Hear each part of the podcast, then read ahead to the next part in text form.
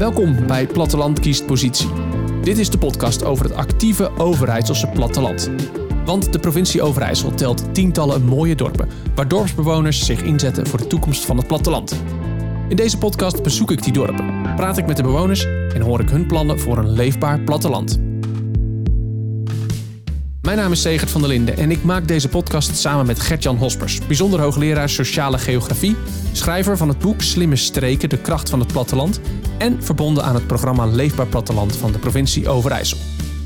Dit is een wat andere aflevering dan normaal. Vandaag staat in het teken van de wetenschappelijke kant van het programma Leefbaar Platteland.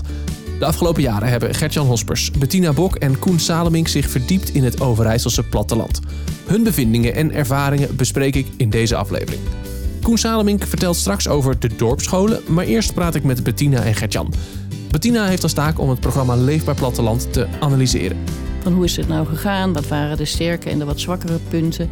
Is er zoiets uit te halen als een Overijsselse aanpak? En wat is dan die succesformule? En zouden we daar, wat zouden we daarmee verder kunnen in de toekomst? Ook in het provinciaal programma Landelijk Gebied bijvoorbeeld. Ja, dat het zeg maar een beetje dat de opvolger van Leefbaar Platteland moet zijn, hè, Precies. uiteindelijk. Ja, nou ja, Gertjan, ja, jou kennen we inmiddels, maar ik, ik heb eigenlijk nooit jou laten vertellen. Wat, wat was jouw rol eigenlijk binnen het project? Ik zei altijd, jij bent de wetenschapper. Maar wat was je rol? Nou ja, eh, eigenlijk vergelijkbaar met die eh, van eh, Bettina. Ehm, Bettina heeft eh, specifiek ook gereflecteerd op het programma.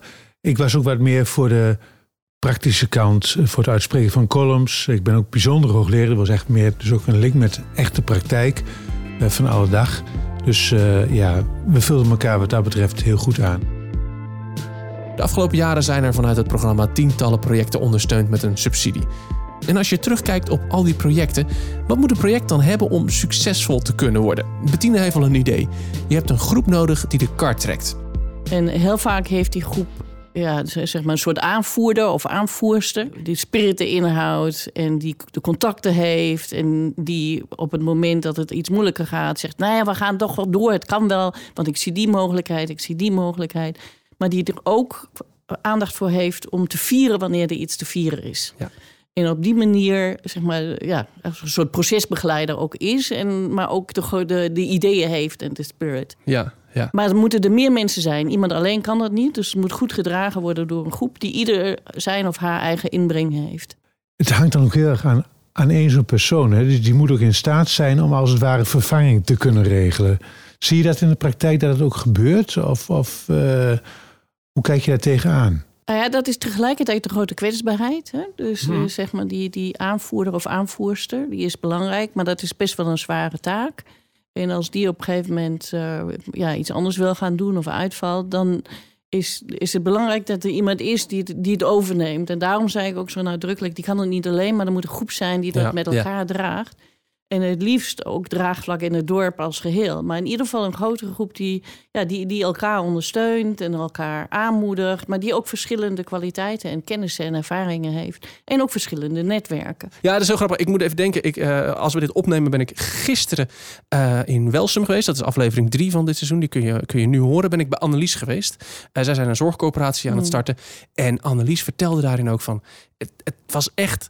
Zij komt vanuit de ouderenzorg. En eh, zij zag dat er behoefte was. En zij is daar, ja, zij is daar gewoon aan gaan trekken aan die kar. En zij is op de, op de trom gaan slaan. Zij is zo'n persoon. Zij is zo'n persoon. Zo'n persoon. Vanuit het hart, vanuit passie. En die ook dat over kan brengen. Ja. En de ander meeneemt en kan enthousiasmeren. En, kan- maar, en, en, en door moeilijke periodes heen kan trekken. Maar heel vaak ook veel kennis, ervaring en netwerk heeft. En dus ook weet van wie kan ik aanspreken om steun te mobiliseren. Zo iemand is heel erg belangrijk. Maar, maar op den duur, ja, die heeft ook weer mensen achter zich nodig. Hè? Je kan dat niet Je alleen. het nooit alleen. doen. Nee. In deze podcast heb ik veel projecten bezocht. En dat geldt ook voor Bettina en Gertjan. Als ik aan hen vraag welk project eruit springt voor hen, komt Gertjan met een voorbeeld dat we eerder besproken: de multifunctionele accommodatie in Zalk. Eh, maar ik denk terecht, omdat eh, dat eh, dorpshuis echt de huiskamer van het dorp is. En ook ehm, veel meer is eigenlijk dan een klassiek dorphuis. Het is een plek waar bijvoorbeeld ook eh, pakketjes worden eh, gebracht en eh, van daaruit door het dorp worden bezorgd. Een plek waar bijvoorbeeld ook camperplaatsen zijn gerealiseerd om, om nog wat extra inkomsten te krijgen. En dus het is veel meer dan een plek waar mensen samenkomen. Het is ook een plek ja, een spil echt in het, in het dorp. En dat terwijl het pas in 2016 is opgeleverd. Dus ze zijn eigenlijk heel erg voortvarend te werk gegaan. En ik denk dat het ook terecht is dat de jury Zalk heeft geprezen om met name die lokale gemeenschapszin. Het gaat dus niet zozeer om het gebouw zelf. Het gaat om de mensen die het gebouw in stand houden. En gelukkig, is mijn indruk, zijn er meer ja. uh, kaarttrekkers, boegbeelden uh, in dat dorp dan uh, dat het alleen maar hangt aan één persoon. Het project dat er voor Bettina uitspringt is ook al eens te horen geweest in de podcast, in aflevering 2 om precies te zijn. Zij willen het graag hebben over de dorpssupermarkt van Lettelen. Die supermarkt die ging dicht en het dorp heeft toen besloten, we gaan hem opkopen en we gaan een eigen supermarkt beginnen. En daarbij ook verschillende uh, mensen een verschillende rol gehad. Er was een karttrekker, iemand die uit het ontwikkelingswerk komt. Die zei van, dat kan, dat kunnen we. Er waren een aantal mensen met voldoende financiële middelen... die gezegd hebben, kom, we kopen hem op. En nu zijn er, geloof ik, iets van 40 vrijwilligers die in die dorpswinkel werken. Er zijn plekken voor mensen met afstand tot een arbeidsmarkt. Er zijn baantjes voor jongeren die dan wel betaald worden, de anderen worden niet betaald. Maar wat nu is gebeurd, is dat ze ook een project hebben ingediend voor een dorpsvisie. Dus heel vaak zie je dat er eerst een visie komt en dan activiteiten. Maar hier zie je, men is gesprongen op ja, een urgentie, zeg maar, die winkel. En die heeft ontzettend veel spirit gegeven voor die gemeenschapszin. En ook voor we kunnen dat. En nu maken we een visie en dan doen we nog meer. En dat zie je wel vaker, dat dorpen beginnen met een ja, wat kleinere activiteit. En, en dan komt er nog een activiteit, dan komt er nog een activiteit. En dan komt er misschien zoiets als een zorgcoöperatie, hè, wat, wat iets groots is. Dus letterlijk vind ik een heel mooi voorbeeld voor wat er kan ontstaan uit iets, ja, iets, iets relatief specifieks. Ja, ja, ja. Je, je doet iets specifieks, een winkel. En er komt een visie en er komt er wellicht nog veel meer. En het andere project wat ik noemde, dat, dat gaat nog starten. Dat is in landgoed uh, Vilsteren.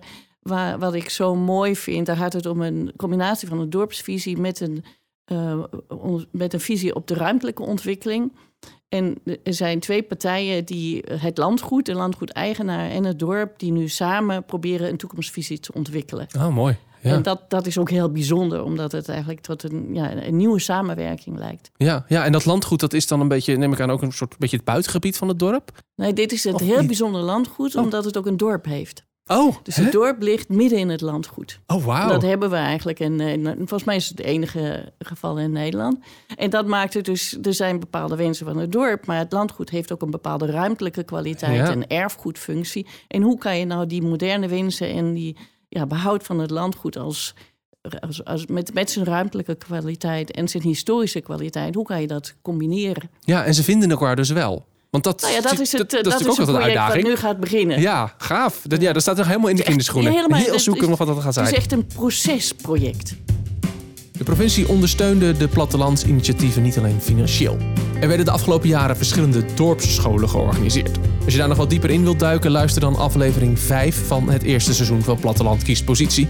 Daar was ook Koen Saleming te gast. Hij was aanwezig bij een heel aantal van deze dorpsscholen.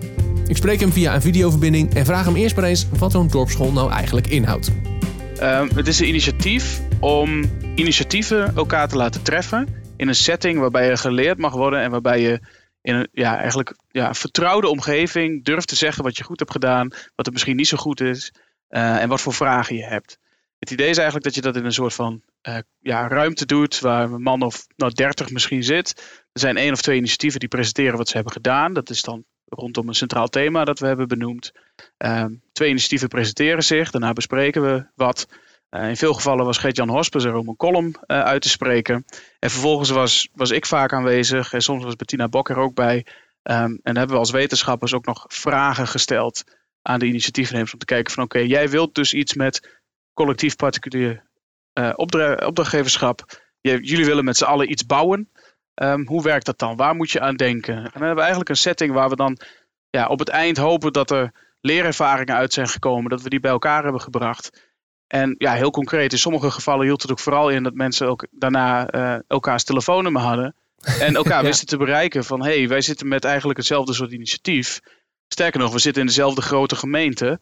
Um, hoe hebben jullie dat gedaan? Wie moet ik bereiken? Dus het is eigenlijk gewoon een, een soort van ja, empowerment. Om zo, nou, hoe stel je mensen in staat om dat dan ook ja, hun initiatief ja, tot een goed einde te brengen? Kun je dus eentje noemen? Welke is je bijgebleven? Onder andere een sessie die we hadden georganiseerd over hoe uh, organiseer je opvolging in het verenigingsleven. Bijvoorbeeld voor dorpsbelangen. En daar had ik een opdracht voor bedacht. Had ik een fictief dorp, Vechterbroek, had ik daarvoor bedacht. Uh, en had ik wat, ja, wat, context geschetst. Of, wat is het nou? En dat hebben mensen gelezen. En dan zijn ze in verschillende groepen met verschillende uh, vragen aan de gang gegaan. En wat daar heel leuk was om te zien, is. Dus, ja, ik heb niet letterlijk de mensen gevraagd: van, vonden jullie dit nou leuk? Hè, achteraf. Maar wat we toch wel zagen, de meeste mensen waren geanimeerd met elkaar in gesprek over hoe je dat nou zou doen. En sommige ideeën waren echt heel creatief. En wat je gewoon zag, is dat daar ook mensen die misschien iets minder ervaren zijn met dat dorpsbelangenleven of dat vrijwilligersleven, dat die zich ook wel op konden trekken aan de mensen die dat al wat geroutineerder doen. Wat het ook blootlegde, is dat er gewoon grote verschillen zijn tussen dorpen. Het ene dorp heeft gewoon echt een heel grote ja, vijver aan vrijwilligers waar ze eruit kunnen vissen. En andere dorpen hebben het daar gewoon moeilijker. Um, en dat is dan ook weer een inzicht voor de provincie en ook voor gemeenten om te denken: oké, dus ja, als wij nu heel algemeen beleid gaan maken met zo werkt het, en zo ondersteunen wij jullie voor om vrijwilligers te vinden. Dat kan voor sommige dorpen dus precies genoeg zijn en voor andere dorpen niet. Ja, wat ik dus, dus wel leuk vind, want ik heb altijd een beetje in mijn hoofd gehad: die dorpsschool die is er voor die, die dorpsinitiatieven, hè, voor, voor die plattelandsinitiatieven. Um, maar de provincie leert er dus ook van. Ja, ik ook hoor. Ik bedoel, uh, als wetenschapper worden wij geacht uh, te werken aan de grenzen van het weten. We moeten kennis produceren en die kennis delen we met studenten, maar ook met, uh, met de maatschappij. Maar als ik nieuwe kennis op wil doen, moet ik wel goed weten welke vragen er in de maatschappij spelen. En daarvoor moet ik af en toe gewoon even ertussen staan en horen wat er speelt. En moet ik ook gewoon een paar uur in een ruimte zijn waarbij mensen na een tijdje denken, nou, nu, nu spreek ik hem toch even aan. Nu wil ik dat, dit toch even gezegd hebben. Uh, en zo haal je eigenlijk op een, ja, soort van losse participatieve manier haal je vragen op. En dat wil niet zeggen dat ik letterlijk met die vragen aan de gang ga. Maar ik zie daar wel, oké, dit is nu een actueel thema. Hier zitten dorpen mee. Als we nu nog eens weer een keer aan een wetenschappelijk project denken. hey, misschien moeten we dan eens een keer echt iets met dorpshuizen doen. Of misschien moeten we echt een keer kijken, collectief particulier opdrachtgeverschap in de plattelandscontext. Is dat nou anders? En hoe doen ze dat in andere landen? Kijk, dan, dan hebben we die vragen. En ja, die kan ik wel allemaal van achter mijn bureau gaan bedenken. Maar ik, ik voel mij meer gesterkt als ik daar uh, ja, toch op gewezen wordt. Ja, en de provincie haalt ook op van ja, wat doet ons beleid nu en hoe ziet onze provincie eruit? En heeft een initiatief iets van ons nodig of heeft misschien een gemeente iets van ons nodig? Is, is dat misschien ook de belangrijkste opbrengst van de dorpsscholen geweest? Die, die kennis en ervaring uit de, de dorpen horen? Ja, ja, enerzijds natuurlijk hè, de, de, de kennis opdoen. Dan wel aan de initiatievenkant, dan wel aan de provinciekant of uh, voor mij. Maar ik denk wat niet onderschat moet worden, en ik, ja, ik hoop echt dat het op, over een paar jaar nog steeds zo is, het netwerkeffect. Dat er verbindingen worden gelegd, dat mensen elkaar weten te vinden. En misschien ook het idee dat sommige beginnende initiatieven zich gesterkt voelen en denken: oh, dat initiatief dat altijd zo ja, bijna geknuffeld wordt door de beleidsmakers en de bestuurders, want het ging zo goed. Die hebben het op het begin ook gewoon moeilijk gehad. En, en dat besef kan mensen toch het gevoel geven: ik hoef nog niet per se te stoppen, ik hoef het ook niet helemaal alleen te doen.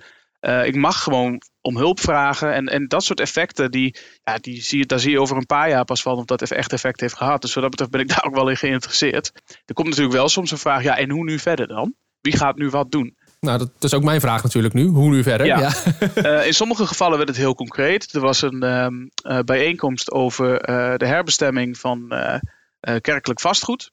Dat speelde met name in de katholieke gebieden overigens, waarbij toch het bisdom uh, als een soort asset manager aan de gang gaat en uh, voor de hoogste prijs uh, probeert dingen te verkopen. Ja, terwijl daar vaak ja, de mankracht van het dorp in zit en ook de vrouwkracht trouwens. Um, en daar zag je dat op het eind ook gezegd werd: ja, kijk. Daar, daar moeten we iets mee en wij moeten samen op blijven trekken. En daar heeft ook de provincie gezegd: ja, nou, wij willen wel ook um, hierbij betrokken blijven. En misschien zorgen dat ergens wel een keer de deur open gaat. Dat we wel gezamenlijk een keer ergens op gesprek gaan. Dat is dan een heel mooie uitkomst. Want dan weet je ook dat het niet uh, stilvalt. Uh, en verder zal het veel aankomen op ja, die verbindingen die gelegd zijn tussen initiatieven of tussen bepaalde gemeenteambtenaren ook. Dat mensen dat in stand houden. Mensen zullen dat zelf in stand moeten houden. Dat kunnen wij ook niet voor ze doen. Um, dus hoe nu verder? Ja, hoe het nu verder gaat hangt ook vooral af van de deelnemers. Maar ik hoop ook dat uh, na de dat dit programma klaar is en de nieuwe collegeperiode er, er aankomt, dat het toch wat. Ja, dat, dat men toch gewoon ook met, echt met de menselijke kant van het platteland bezig blijft. Ja, en die dorpsscholen, het klinkt mij als een hele waardevolle dagen voor, voor mensen. Is er een manier om die dorpsscholen voor te zetten? Ja, ik had ooit zo'n grote mond toen ik het, uh, het voorstel schreef om dit te gaan doen. In samenspraak uh, met, ook, uh, met de provincie. Dat ik zei, de ideale uitkomst zou zijn aan het eind dat het een zelforganiserend netwerk wordt. Maar dat is nogal lastig om te beleggen. Dat zal ook op het begin niet, uh, niet gratis gaan, zeg maar. Om het zo te zeggen. Alles kost uh, tijd en uiteindelijk ook gewoon, als je het omrekent, uh, geld. Dus ik denk dat er ook nagedacht kan worden over als we hier dan wel mee verder willen. En ik weet niet of het dorpsschool moet blijven heten en of het precies in deze vorm verder moet. Maar als we wel die initiatieven bij elkaar willen laten komen en dat die uitwisseling blijft bestaan, wat is er dan nodig? Moeten we dat dan beleggen bij een, bij nou, een, een, een stichting of, of, een, of een ja, een, meer een uh, ja, gemeenschapsontwikkelingsinstituut of zo. Er zijn natuurlijk meerdere partners in Overijssel wel bekend die daar iets mee kunnen. Uh, moeten we dat dan daar beleggen? Nou, dat, dat kan ook een idee zijn. Maar dat zelforganiserende netwerk is er denk ik nog niet. Alhoewel we wel zien dat er bij de laatste sessies toch steeds vaker ook wel vaste gezichten terugkomen. Uh, dus er is wel wat in gang gezet. En het zou zonde zijn om het nu gewoon te laten vallen en dat het niet verder gaat. Maar goed, dat is natuurlijk van, aan, ja, van allerlei dingen afhankelijk. Nou ja, ik zie, zie hier nog wel een opdracht liggen voor, voor de provincie, voor het nieuwe, voor het nieuwe college straks. Uh, om dat te doen. Je zegt, je ziet vaste gezichten bij die laatste bijeenkomsten. Um, hoe bereik je iedereen? Want nou, het vaste gezicht, ik snap dat veel mensen regelmatig terugkomen. Als je hier hè, één keer geweest bent, kan ik me voorstellen dat je zegt: Ik zie hier de waarde van in, ik kom terug.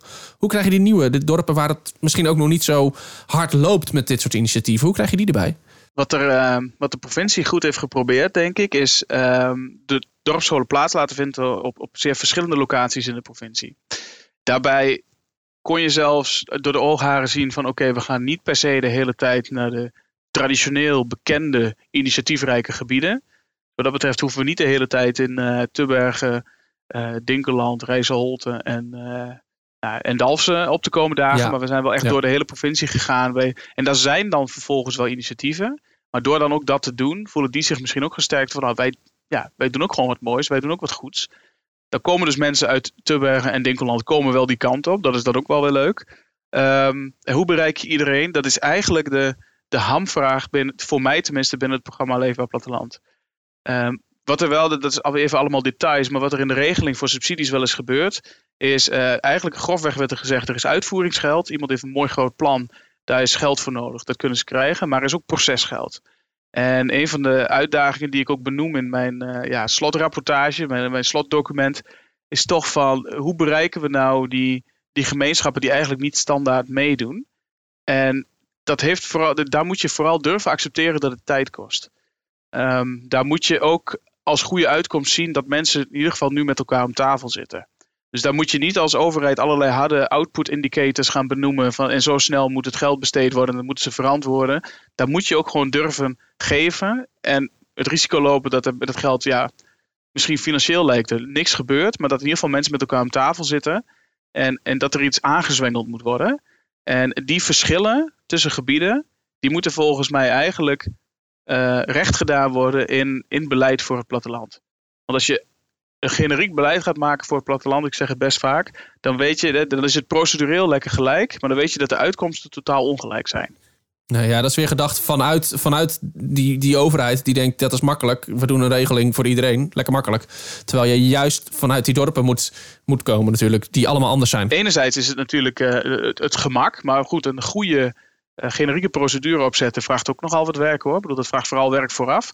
Maar het lijkt ook te, te komen uit een soort van gelijke behandelingsbeginsel, lijkt het wel. Van gelijke gevallen moeten we gelijk behandelen, maar dat is het dan ook. We hoeven niet iedereen gelijk te behandelen, maar gelijke gevallen gelijk behandelen. Dat mag soms best zijn dat jij initiatieven of gebieden heel anders benadert. Juist om ook recht te doen aan die verschillen. En dat blijft toch wel, ik hoor het ook wel van de provincie terug, maar ook van gemeenten. Ja, dat is, hè, dat kun je wel willen, maar uiteindelijk heb je ook met je afdeling financiën en met je juridische afdeling en met een gemeenteraad of een, uh, staten te maken waarin je moet verantwoorden dat je dat verschillend doet. Dus ik zie de uitdaging daar wel, maar toch blijf ik dwars iedere keer noemen dat je daarover na moet denken. Het programma Leefbaar Platteland loopt op zijn einde. Koen, Bettina en Gertjan zijn ook gevraagd om na te denken over de toekomst. Wat zien zij in de toekomst gebeuren op het Overijsselse platteland? Gertjan ziet dat de relatie stad-platteland nog belangrijker gaat worden. Ik denk dat een van de thema's voor de toekomst uh, wel eens de verbinding tussen stad en platteland zou kunnen zijn. Ja. En, want uh, denk alleen al aan, uh, aan het voedselvraagstuk. Ook een thema natuurlijk steeds belangrijker wordt. Vroeger was het heel normaal dat het platteland voorzag de stad van, van eten. Dat zie je bijvoorbeeld in, in Deventer, waarin de, de, omliggende kernen ook heel vroeger de, de, de, de stad ook van eten voorzagen. Ja, zou je dat niet veel meer kunnen terugbrengen? Hè? Dat, dat, dat je op die manier uh, stad en platteland bij elkaar brengt. Of uh, bijvoorbeeld een ziekenhuis dat, dat, dat, dat, dat, mensen uh, ja, wil laten uitzieken, revalideren. Waarom moet het pers in het ziekenhuis hè, met een beddentekort? Kan, kan je daar ook niet een hotel gebruiken dat bijvoorbeeld buiten het seizoen wat minder gasten heeft? Nou, ik denk dat er op deze manier allerlei verbindingen zijn rond energie, zorg, voeding, uh, uh, andere ja, belangrijke vraagstukken waar stad en platteland elkaar kunnen aanvullen. Bettina vult dit aan met een heel helder advies voor de provincie Overijssel. Trek de gordijnen open. Van het programma Leefbaarheid keek vooral naar dorpen. Uh, Geert-Jan zei al, kijk ook naar de relatie stad-platteland. Wij zeggen eigenlijk, trek de gordijnen open en kijk ook naar het buitengebied. Mm -hmm. Zeker voor de toekomst, voor het provinciaal programma Landelijk Gebied. Moet er iets ook met agrariërs? En je zou op. Uh, en er is natuurlijk een, een, relatie tussen dorp en buitengebied. Maar je zou die twee meer met elkaar in contact kunnen brengen. En er zijn een aantal projecten die dat doen. Waar burgers ook in gesprek gaan met boeren en zeggen: wat kunnen we nou samen doen om, om behoud van ons prachtige buitengebied? Ja, ja. Hoe kunnen we dat samen doen?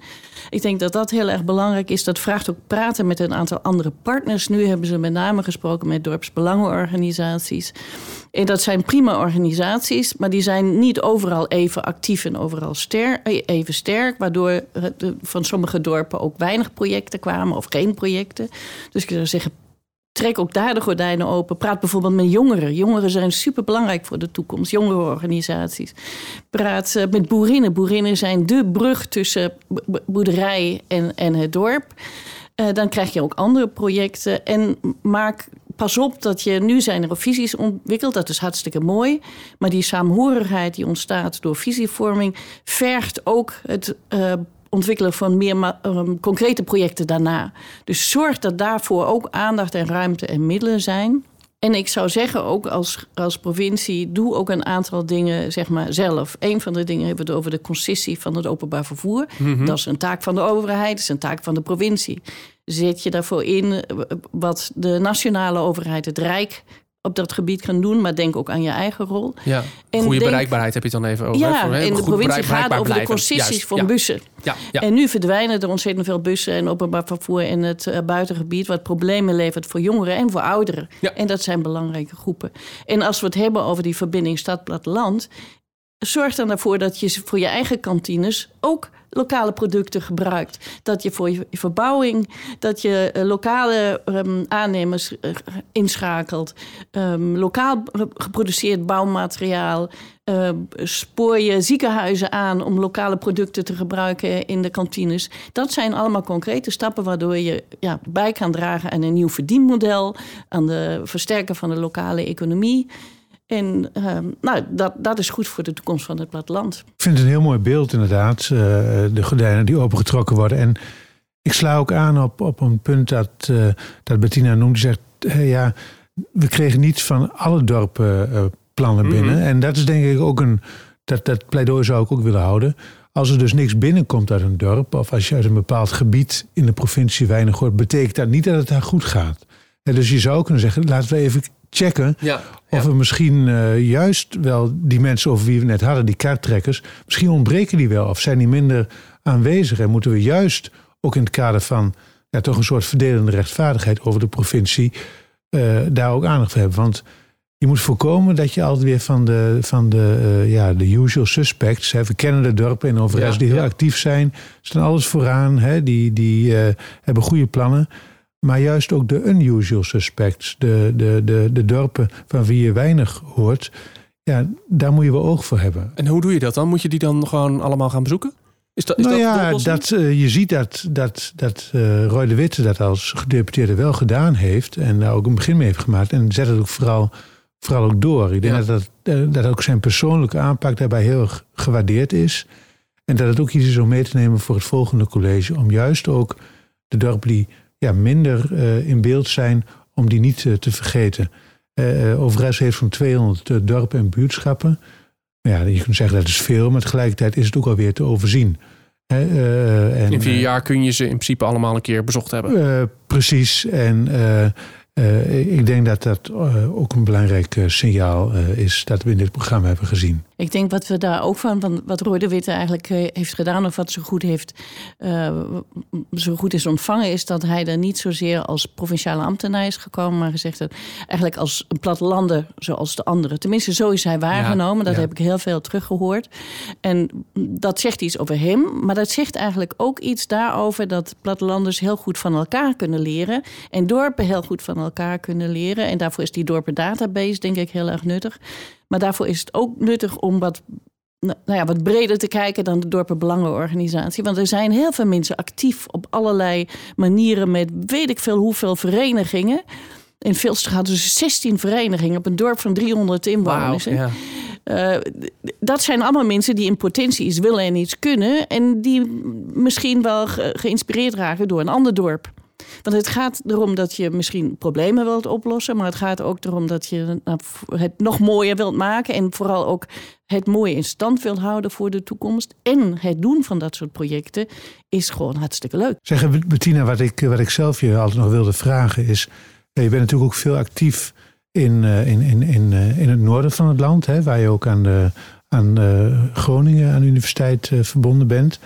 Uh, zie je nou verschillen met uh, de aanpak in Noord-Nederland als je die vergelijkt met Oost-Nederland? Dus de Overijsselaars, de Gelderlanders hebben het vaak over het Noorburschap en dat soort zaken als iets typisch iets. Of zeg je, nou ja, het is eigenlijk iets universeels. Het heeft meer te maken met, nou ja, uh, een dorp. Dus wat dat betreft zou je, zie je meer verschillen binnen Overijssel dan dat je verschillen ziet tussen Groningen en, en en Twente, om maar eens wat te noemen. Uh, een van de grappige dingen bijvoorbeeld van Lettelen is dat zij op bezoek zijn geweest in Sauwert, waar een dergelijke supermarkt al bestond. En geïnspireerd zijn geraakt door een dorp in Groningen. Ik denk dat dat, eh, de ene noemt het Nauberschap en de andere neemt het Noaberschap. Dus het maakt ook nog uit. Ik geloof dat het verschil tussen Overijssel en Gelderland. In Friesland heet het Minskiep. Ik denk dat het in wezen om hetzelfde gaat. En dan zijn de tradities misschien net weer iets anders. Hè? Bij naberschap heb je heel duidelijk vroeger in ieder geval wie doet wat. In het geval van een geboorte en een overlijden. Dat is volgens mij bij Minsk niet zo. Maar die hebben dan weer andere regels. En, en ook in Groningen zie je dat soort ja, tradities van samenhorigheid en samen aanpakken heel vaak gaat dat ook rondom kermis of een uh, winterfeest of uh, carnaval. Een, uh, carnaval. Nou ja, goede en slechte tijden. Ja. Maar het zijn de feesten die het vaak het begin zijn en van daaruit kan dan meer ontstaan. Dat zie je eigenlijk heel vaak. Ja, dat zeggen ze ook vaak. Hè? De, de weg naar de toekomst heb je af en toe parkeerplaatsen nodig om even wat te drinken. Hè? En even met elkaar te kletsen om weer verder te gaan. Om die reis weer verder te kunnen uh, maken. Heel belangrijk. Nou ja, dat is, kijk, dat is natuurlijk, zou je kunnen zeggen, ook het gevaarlijke. Als je zegt de dorpen die niets willen, als je dan denkt, er is er niets aan de hand. Dat kan. Maar het kan ook zijn dat eigenlijk de leefbaarheid al zo door het ijs is gezakt. Dat er niet, niet meer iets is waarvoor je wilt vechten. Oh ja, ja. Dus je moet iets moois in stand willen houden. En je moet medestanders hebben.